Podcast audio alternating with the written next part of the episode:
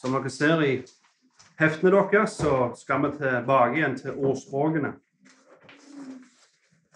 Og eh, for de av dere som eh, er nye, eh, så er har vi holdt på og hatt en tema, tema gjennom ordspråkene, der vi tar opp ulike temaer som ordspråkene tar opp, og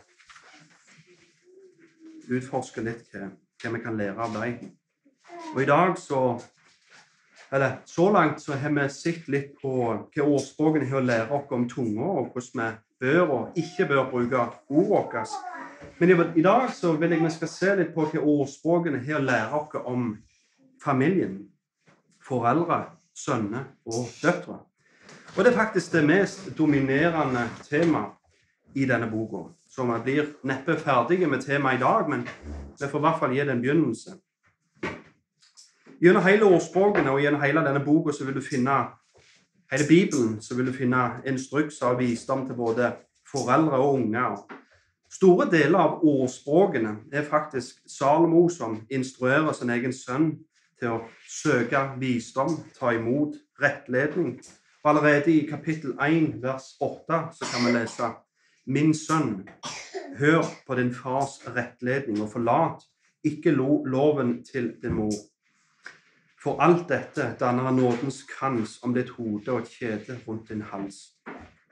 Målet med talen i dag er ikke å lese og kommentere alle versene som er adressert til sønner, døtre eller foreldre, for da hadde vi fort endt opp med å lese og kommentere hele ordspråkene. Men målet mitt i dag det er å introdusere dere for noen viktige sannheter og prinsipp fra ordspråkene som adresserer hvordan en bibelsk familie bør være. Bibelen er en bok som adresserer alle aspekt av livet vårt, men ikke nødvendigvis i detalj, men i prinsipp.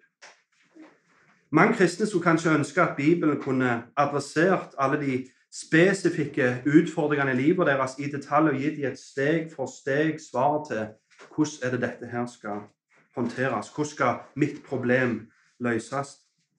Men det er ikke sånn Gud har valgt å gjøre det. Gud har gitt dere en bok som veldig ofte adresserer problemene vårt og utfordringene våre, men i prinsipp. Og for at vi skal kunne anvende disse prinsippene i livet vårt, så trenger vi visdom. Vi trenger visdom.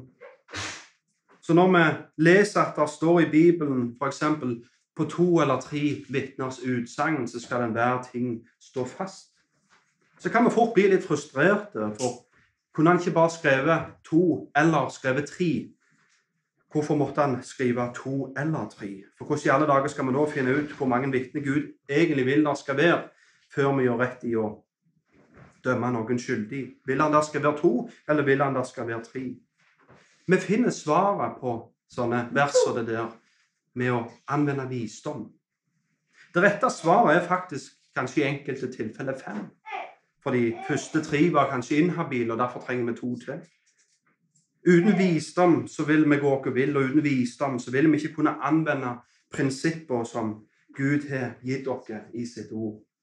Uten visdom så vil disse ordene slå deg i hjel, og du vil stå i fare for å bruke dem til å slå dem rundt deg i hjel. Og det er òg sant når det kommer til hva Bibelen, og mer spesifikt hva ordspråkene har å si om familielivet.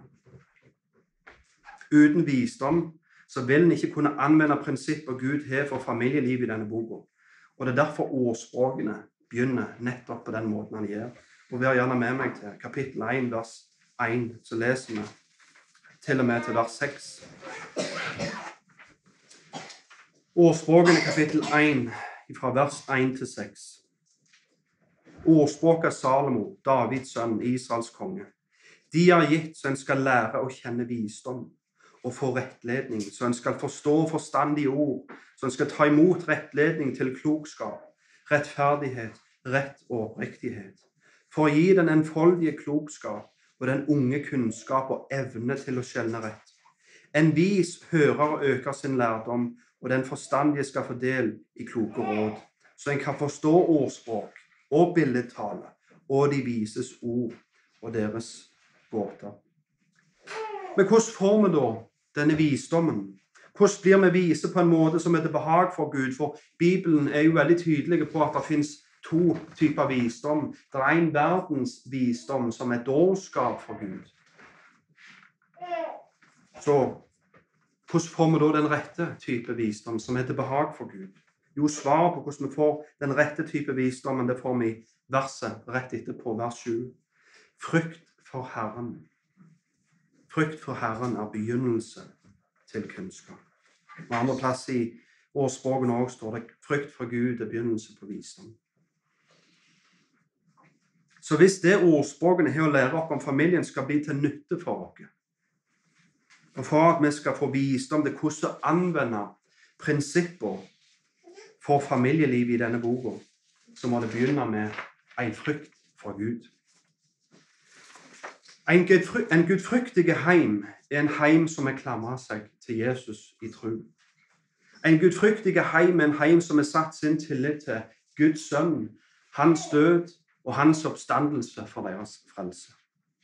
Gudfryktige foreldre er foreldre som har sagt i sammen med Salomo Nei, eh, Josva mener meg og mitt hus. Vi skal følge Herren. Og Jeg kan ikke understreke nok viktigheten av dette. For hvis ikke vi har lagd en grunnvoll til huset, så er alt som blir bygd oppå, forgjeves. Og denne grunnvollen må være Jesus og han alene.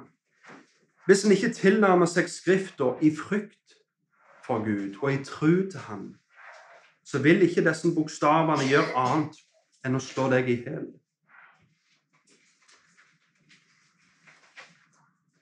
I tro så vil visdommen i ordspråkene, som ordspråkene her lærer oss om familieliv, være gode nyheter. Men i vantro så vil ikke dette være annet enn ei byrde for oss.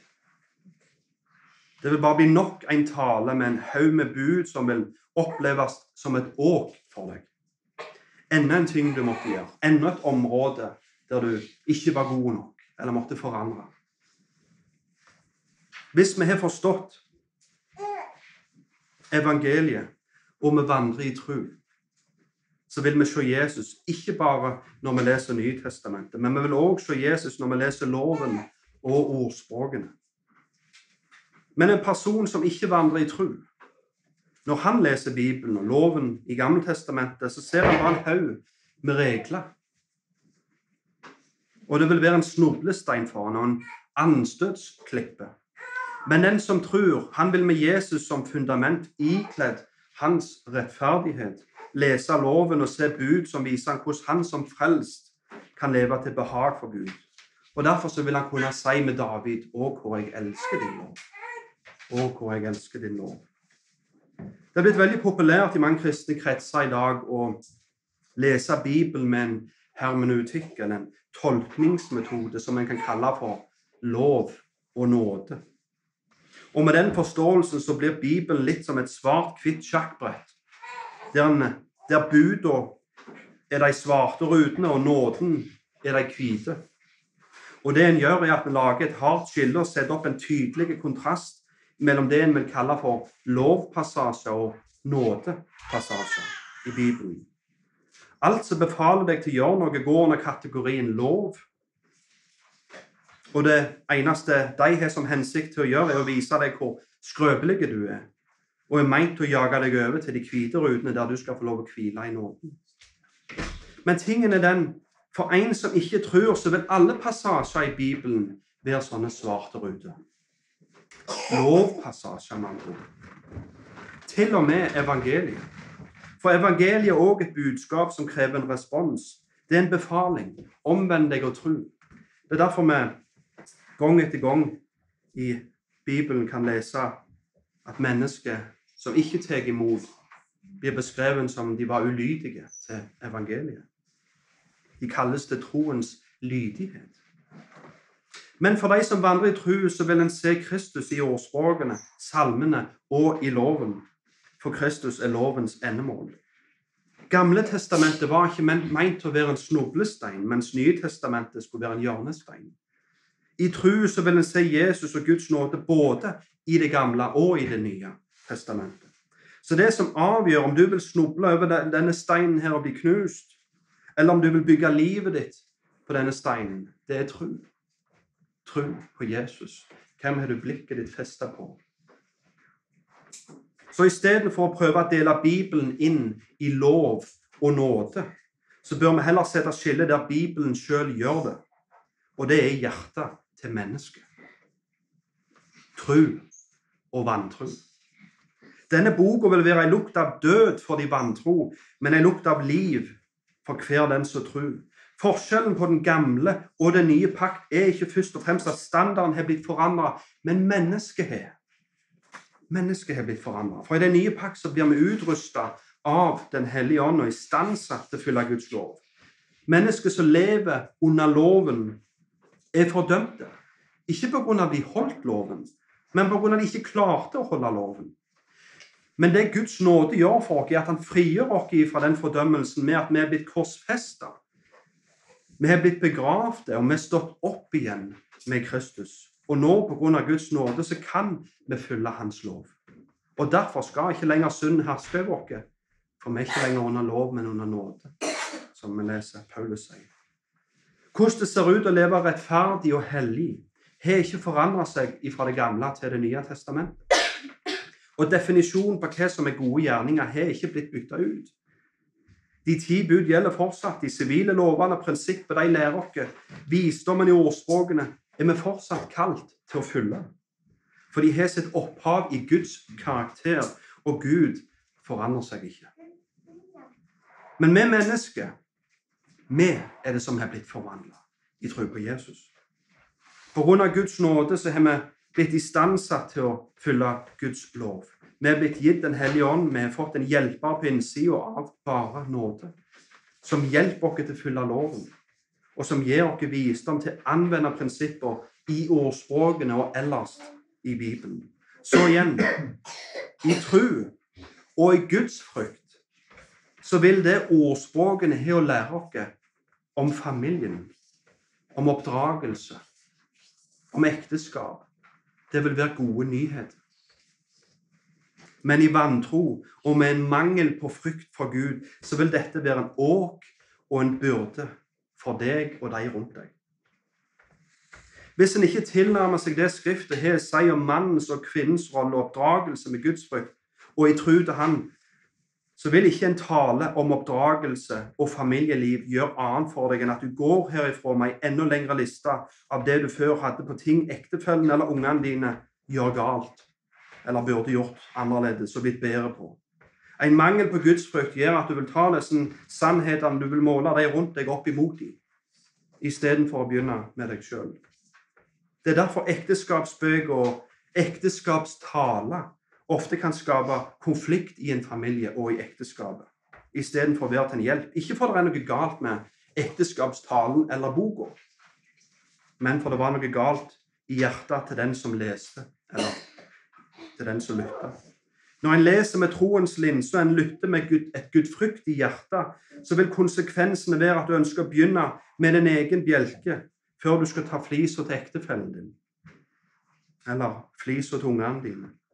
Og med Åndens hjelp så vil det vil ikke være en byrde for deg, men det vil være en god nyhet om hvordan du kan leve til behag for Gud, og hvordan du kan vokse i det imitere Kristus for din familie og de rundt deg.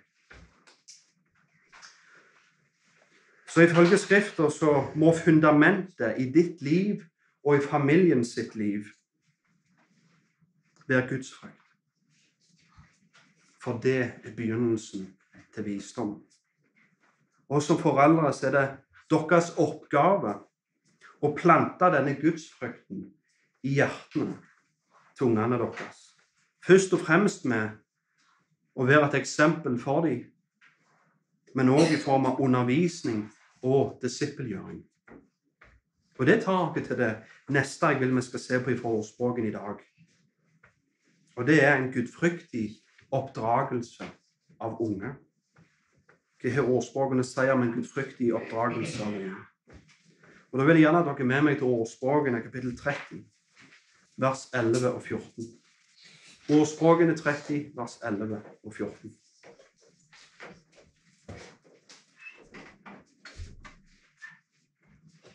Hør Herrens ord. Det er en slekt som forbanner sin far og ikke velsigner sin mor. Det er en slekt som er ren i egne øyne, men som ikke har fått vasket bort sin egen urenhet. Det er en slekt, òg hvor hovmodige deres øyne er.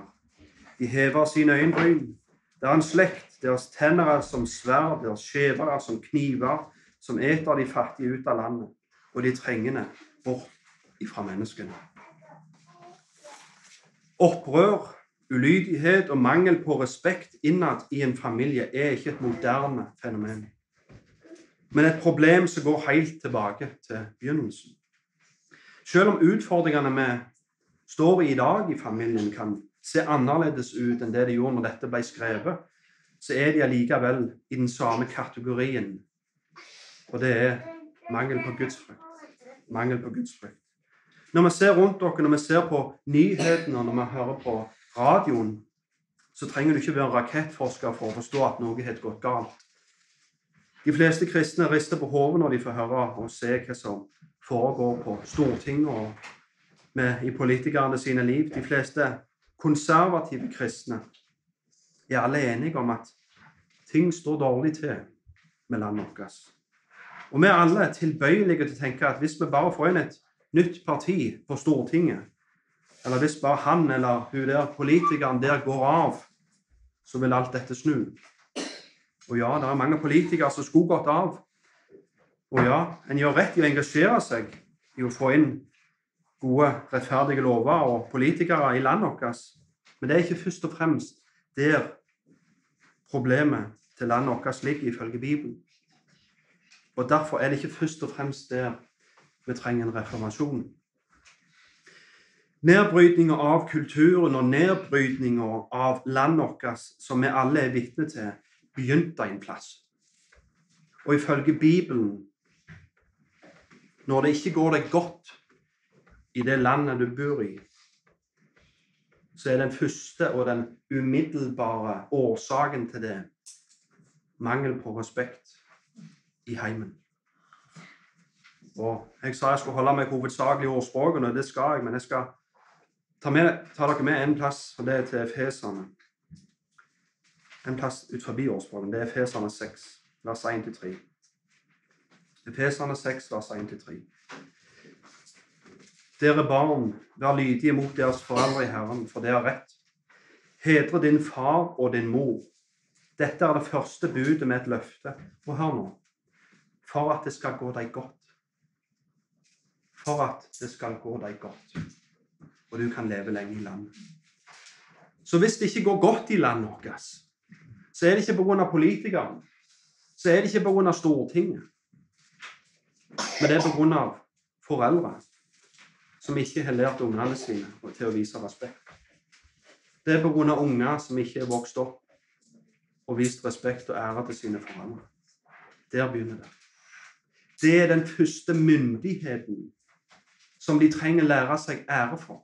For hvis de ikke lærer seg å frykte dere, som skal representere Gud, hvordan i alle dager skal de da kunne lære seg å frykte Gud? Eller frykte noen av de myndighetene som Gud er innsatt? Frykt for foreldre, en sunn frykt for foreldre, vil igjen være med å hjelpe dem til å ha en sunn frykt for Gud, en sunn frykt for de bibelske og gyldige myndighet, myndighetene ellers rundt i verden. Kulturen vi har i landet vårt, ifølge Bibelen, strømmer ut fra kulturen vi har i familien vår. Jeg sier det igjen. Kulturen vi har i landet vårt, strømmer ut, ifølge Bibelen, fra kulturen vi har i familien vår. Hvis familien vår blir nedbrutt og går i oppløsning, så vil følgene av det være at det samme skjer med resten av samfunnet like etterpå. Så det vi først og fremst trenger for å kunne snu denne skuta, at Gud gir foreldre og unger det å omvende seg. Og at han gir dem et angrende hjerte. Vi trenger at Gud gir oss en reformasjon i familien. Og inntil det skjer, så vil vi i dette landet her bare få enda mer av det vi allerede det vi fortjener. Inntil det skjer, så vil vi bare få enda mer av det vi fortjener. Denne slekta som vi, vi, leste om, som er ren i sine egne øyne, men som ikke fått vaska bort sin egen urenhet, trenger å omvende seg og komme til Jesus. Og i tru til Han så vil en bli satt fri. I tru til Han så kan legedom få begynne i dette landet vårt. Blir vi gitt ugudelige ledere til styret styre vårt og bor i et demokrati, så er det for vi har et flertall av ugudelige familier i dette landet som har velt inn. Det er årsaken. Så igjen, kulturen vi har i landet vårt, strømmer ut ifra hvilken kultur det er i familiene i dette landet. Landet vårt er moralsk nedbrøt og går i oppløsning, og det begynte med en oppløsning og nedbrytning i ekteskapet, oppdragelsen og i familien. Så hvis vi som en menighet ønsker å være ei motvekt til den nedbrytninga, så begynner det ikke først og fremst med at vi alle blir enige om at vi skal stemme på det mest konservative partiet nå med neste valg, selv om ja, det, det er bra og det er viktig. Men det begynner med en frykt for Gud som gjør at vi tar på alvor det Bibelen sier om familien, og hvordan den skal se ut. Satan vet at familien er en av de viktigste byggesteinene til et gudfryktig samfunn. Og Det er derfor vi kan se at det er der han har satt inn mest ressurser for å ødelegge. Og En av de viktigste seirene han har fått, er det at det har blitt normalisert å skille ungene fra foreldrene sine store deler av dagen. Sånn at foreldrene får mindre sjanse til å være en påvirkning, en god påvirkning på ungene sine. Og dette skjer i form av å sende ungene i barnehagen og på den offentlige skolen. Ett år på barneskolen utgjør 741 timer med undervisning. Og siden det ifølge Jesus ikke fins nøytralitet, for enten ser du for meg, sier han, eller ser du imot meg, så er disse 741 timene med undervisning. Ikke nøytral informasjon, men dette her er forkynnelse. Dette er forkynnelse. I Ordspråkene kapittel 22, vers 6, så kan vi lese Lær den unge den vei han skal gå, så viker han ikke fra den når han blir gammel. Jeg sier det igjen. Lær den unge den vei han skal gå, så viker han ikke fra den når han blir gammel. Når vi kristne leser dette verset, så blir vi igjen påminnet av viktigheten av å lære ungene våre opp om Bibelen og lære dem om Gud. Men alvoret her i dette verset er at dette, går, dette er sant begge veier. Dette er sant begge veier. I løpet av sju år på barneskolen så har ungene sittet 5187 timer under forkynnelse. Og det er sett vekk fra all den disippelgjøringa og den mest effektive forkynnelsen som foregår på legeplassen i friminutter som skjer og blir gjort av andre klassekamerater og venninner. Satan kjenner òg til dette verset. Han òg vet at det som står her, er sant. Han vet at jo yngre ungene er, jo lettere er de til å forme. Og han vet òg at det de får lære av han når de er små, det vil heller ikke vike ifra dem når de blir gamle. Her trenger kristne å våkne opp. Og vi må ta tilbake det ansvaret Gud har gitt til alle foreldre. Og for å, sitte, for å sitere Woody Bauchem, som sikkert mange av dere kjenner Du kan ikke sende ungene dine til Cæsar og bli lei deg når du får tilbake en romer. Vi kan ikke si at vi tar misjonsbefalingen på alvor hvis vi ikke begynner med å ta ansvaret for å disippelgjøre vår egen familie, våre egne unger. Vi må slutte å sende ungene våre til en institusjon som hater dem, og guden de tror på. Ikke la de sitte under forkynnelse store deler av barndommen som er med og sår tvil i hjertene deres, og som bryter ned det dere som foreldre prøver å bygge opp, og som trør på de frøene som dere har fått planta. La de sitte under undervisning som taler sant om denne verden og hvordan den ble til taler sant om ekteskap og familien, taler sant om synd og hvor vi kan få tilgivelse for ham, og taler sant om hvem Gud er. La de få undervisning og opplæring som utruster de og istandsetter de til å være modige krigere. La de være piler i ditt kogger, helt til den dagen de er skarpe og ferdig slip og er klar for å bli skutt ut i verden for å gjøre skade på Satan og hans rike.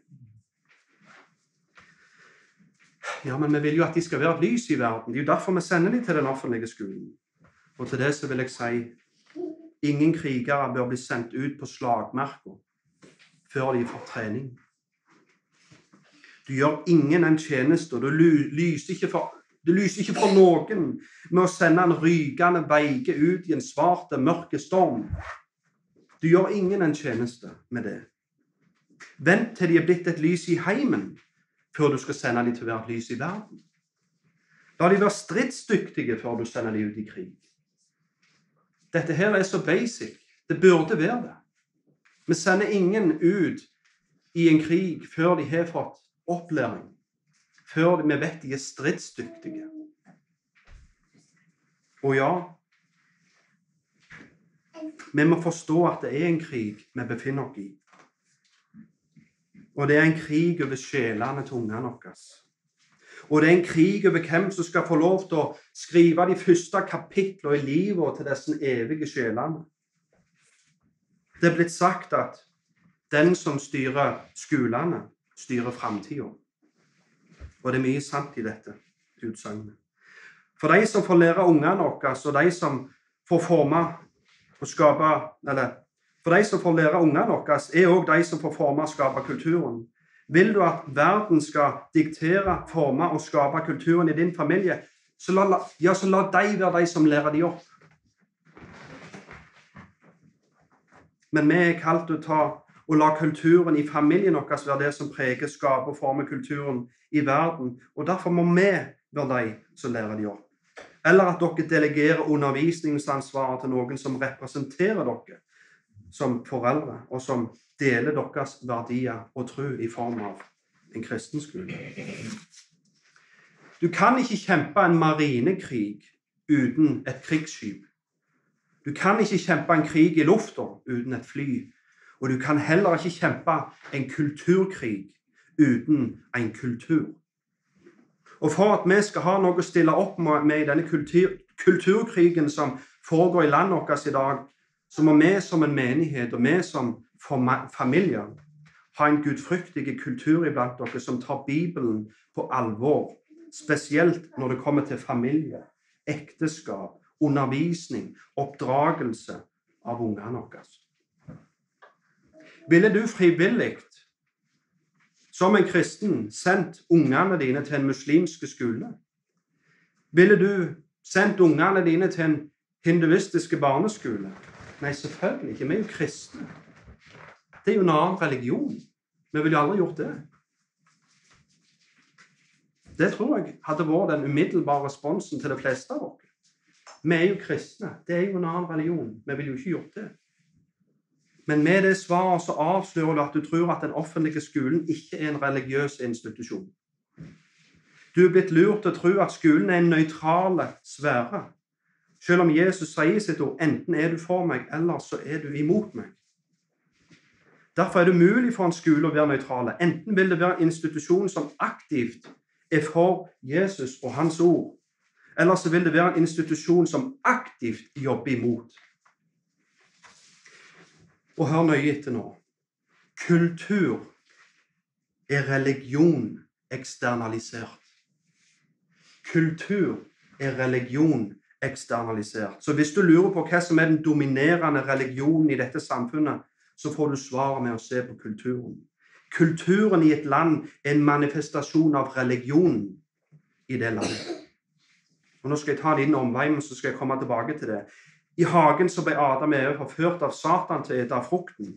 Og løgnen som de ble forført med, var et av treet, for da skal dere forbi som Gud. Dere skal, få, dere skal få bedømme godt og vondt. Og denne synden har i dag blitt omgjort til en sosial filosofi som kalles humanisme. Og det er det som har vært byggesteinene til den sekulære staten Norge i de siste 50 år. Humanisme er en filosofi som setter mennesket i sentrum. Moral og sannhet har sitt opphav hos mennesket, ifølge humanismen.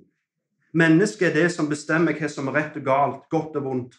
Og menneskets verdi blir målt ut ifra hans intellekt og hva han kan bidra med til resten av samfunnet. Og det er folk fra denne religionen som skriver skolebøkene og bestemmer pensum for ungene på den offentlige skolen. Humanisme er en filosofi bygd på opprøret i hagen. Og det er ikke annet enn en ny versjon av Babels tårn, der mennesket vil gjøre seg sjøl til Gud. Så med mindre du vil at dine unger skal være med og bygge på dette tårnet, så bør du gjøre alt det du kan for å rive dem ut fra å bli disippelgjort i denne religiøse institusjonen. Ifølge humanismen så er målet med undervisning å mate intellektet til ungene, sånn at de kan bli noen lojale, lydige og produktive arbeidere for den sekulære stat. Det er målet, ifølge humanismen, med undervisning og opplæring. Derfor vil de ha ungene på skolen. Men ifølge Bibelen så er målet med undervisning det å lære ungene våre å bli bedre til å imitere sin skaper. Og til å vokse i det å reflektere Han i sitt arbeid og i måten de tenker. Gud vil at den undervisninga vi setter ungene våre unna, skal styrke troa deres og gjøre dem bedre kjent med Han og Hans ord. Og til å vokse dem til å bli gudfryktige soldater for Guds rike. Og ingenting av dette og jeg gjentar ingenting av dette blir utretta på den offentlige skolen. Så ifølge den bibelske definisjonen på hva målet med undervisningen er, så er 741 timer i året med undervisning på den human, eh, humanistiske skolebenken ikke gjort annet enn å jobbe imot nettopp dette. Det er ikke gjort annet enn å jobbe imot hva Bibelen definerer som en sann og god og rett undervisning og opplæring av unge. Og jeg beklager å si det, men ei bordbønn med middagen og et kvarter med Bibelen rett med sengekanten kan ikke sammenlignes eller måle seg med dette. Derfor sier jeg igjen her må vi kristne våkne opp. Vi må få tilbake en rett definisjon på hva undervisning er, ifølge Skriften. Og hvis det lar seg gjøre, og du har muligheten til det, ta ungene dine ut ifra denne religiøse institusjonen. Begynn med heimeskole, eller send dem til en kristen privatskole om du har mulighet til det. Og hvis dette av en eller annen grunn ikke er mulig for deg, så har du en tyngre jobb framfor deg. Og det vil kreve vanvittig mye mer av deg å være trofast etter Gud i en sånn situasjon. Men det er ikke umulig. Men det vil være vanvittig mye hardere.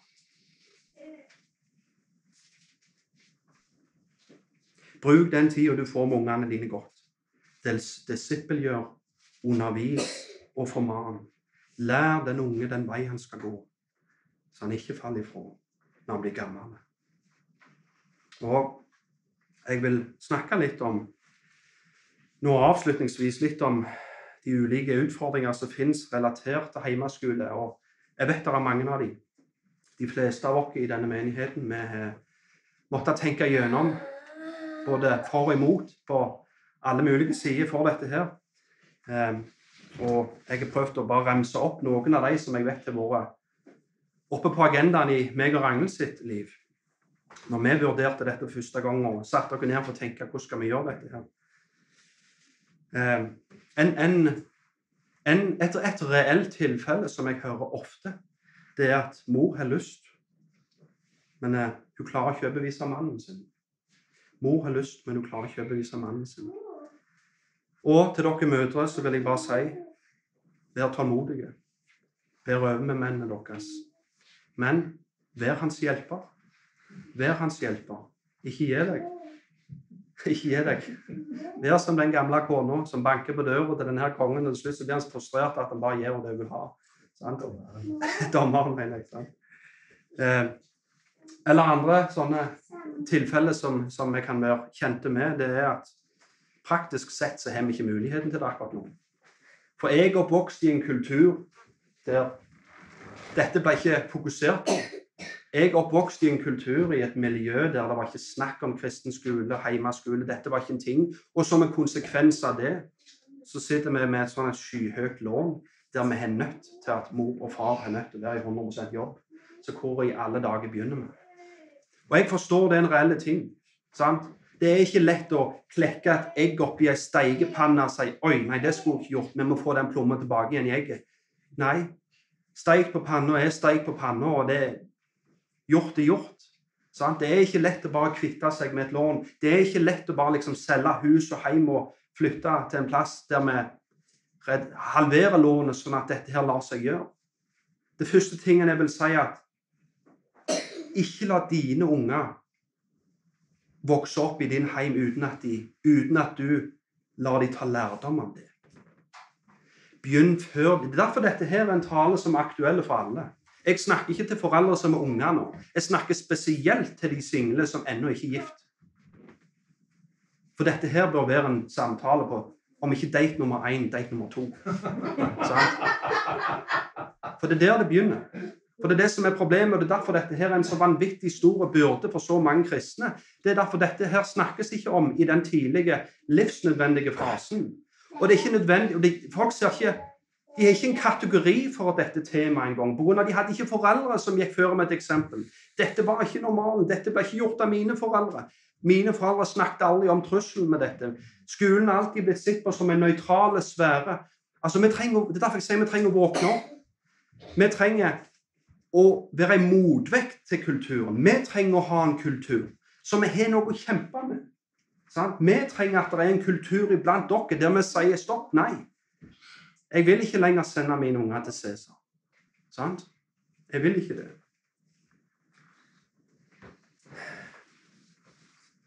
Ja, stort lån. Begge foreldre må være i jobb. Det er en reell ting. Eh, ja, det kan kreve at mannen må brette opp. Hvis dere virkelig ønsker dette her. Det kan kreve at du som en mann rett og slett må si ja. Vi tok noen valg som ikke var smarte.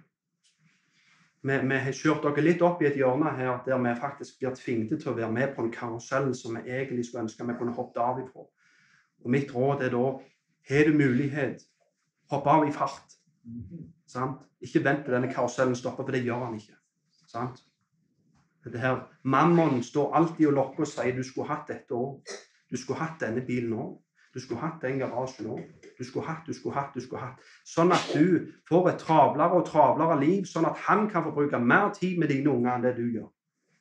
Så hopp av karusellen i fart om du har mulighet til det. Unger de, de, de er som et speil. Det du setter dem framfor, det vil de komme hjem og invitere. Så hvis du ser atferd og oppførsel i dine unger, og de ligner ikke lenger på deg, så er det for at du har satt dem framfor et annet speil. Sånn? Og Det er derfor også jeg ser på foreldre som er frustrert over ungene sine, for de, de hører ikke sånn og sånn, de respekterer ikke. Og Mitt spørsmål er bare det hva for et speil er det du satt i framfor store deler av dagen?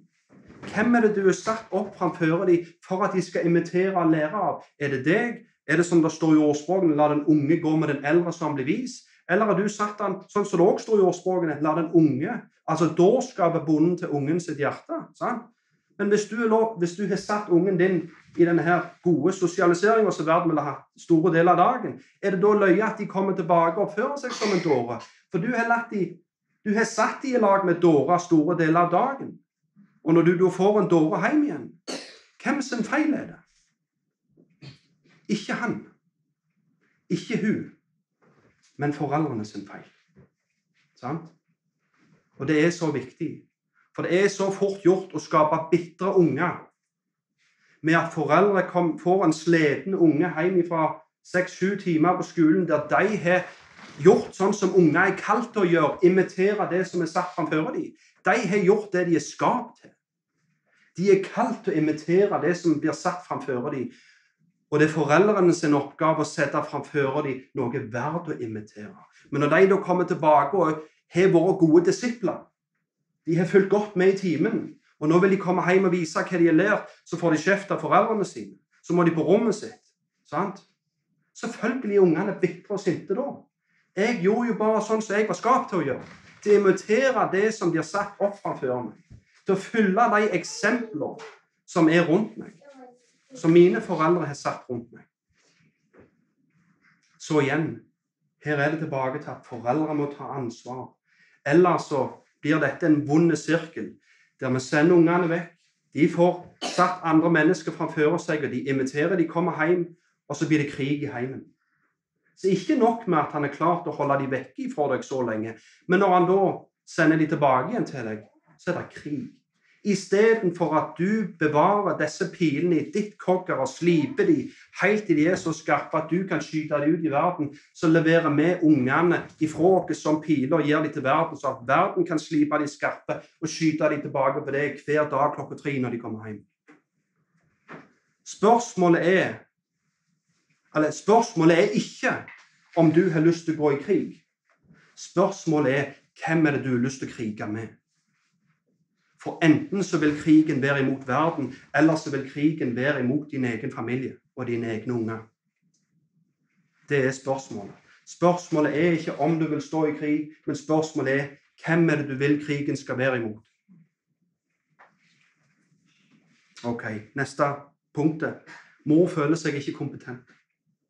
Mor føler at dette her er langt over mitt hode. Hvor skal jeg begynne? Hva skal jeg gjøre? Ja, det er alltid tyngst å være den første mannen som setter seg ut i snøen for å brøyte vei. Og det er det vi i menigheten vår her holder på med. Vi holder på som noen brøyteploger, brøyter vei og går opp stier der folk ikke er gått før, i hvert fall i vår krets her. Og det er tungt, og det er hardt, og det er en jobb. Og vet du hvorfor det føles ut som en så vanvittig tung og hard jobb? For det er krig. Det er krigføring. Det er en usynlig kamp, ja, men allikevel en reell kamp vi står i. Sant? Og det er det du kjenner på.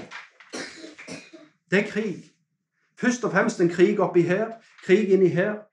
Sant? Og kanskje òg til og med en krig i ekteskapet pga. disse her temaene her, de trykker veldig mange ganger. Men da vil jeg si til mannfolka først og fremst Du er rektoren i heimen. Det er du som administrerer undervisninga. Om ungene blir opplært eller ei, det er ditt ansvar. Sant? Mannen, selv om konene er ofte de som har mulighet til å være hjemme, muligheten til å stå for den fysiske opplæring av ungene, så er det fortsatt mannen sitt ansvar å passe på at kona har alt det hun trenger for å utføre den jobben. Sant? Så igjen, mannfolk, step opp. Step opp. Hjelp kona deres. Utrust dem. Sant? Hjelp dem så de føler seg kompetente til denne jobben. her. Sant? Hva kommer folk og familie til å si? Hva kommer folk og familie til å si? De tror allerede dere er galne. sant? Så det, det, det, betyr ikke så veldig Jeg kjenner dere. Jeg vet hvem dere er. sant? De tror allerede dere er galne. Så det er ikke noe å si. Så ikke vær så redd den. Det kan vi faktisk bare gå fint forbi akkurat det punktet. Det vil ikke bli noe verre eller noe bedre. Ok, hva med sosialisering?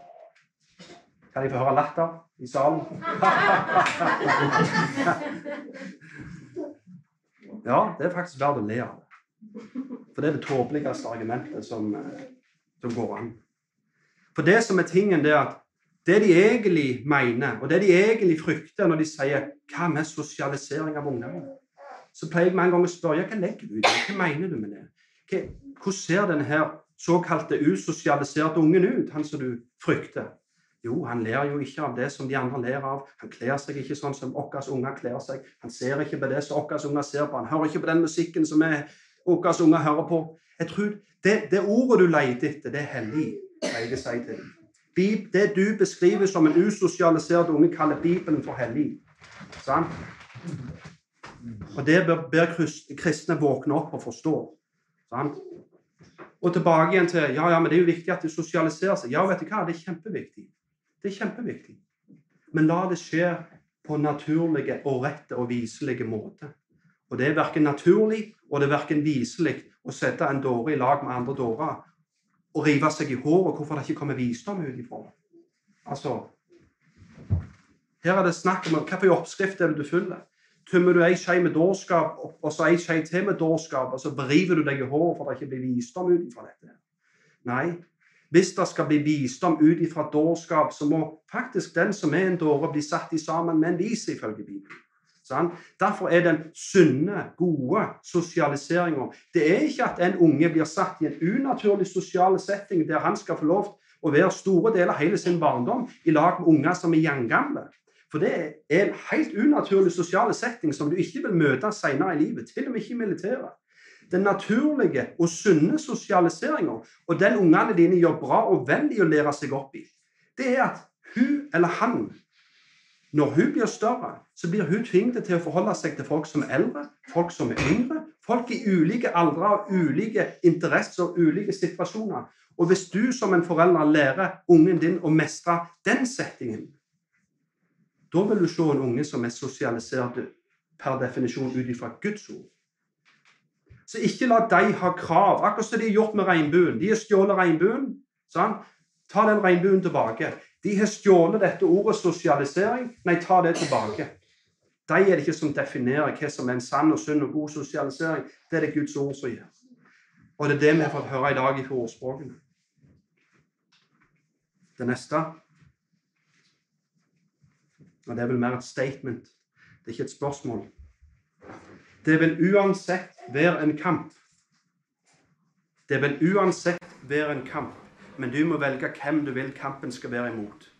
Verden eller dine egne unger. Og jeg bare lar det være to, to, to sekunder stillhet etter det.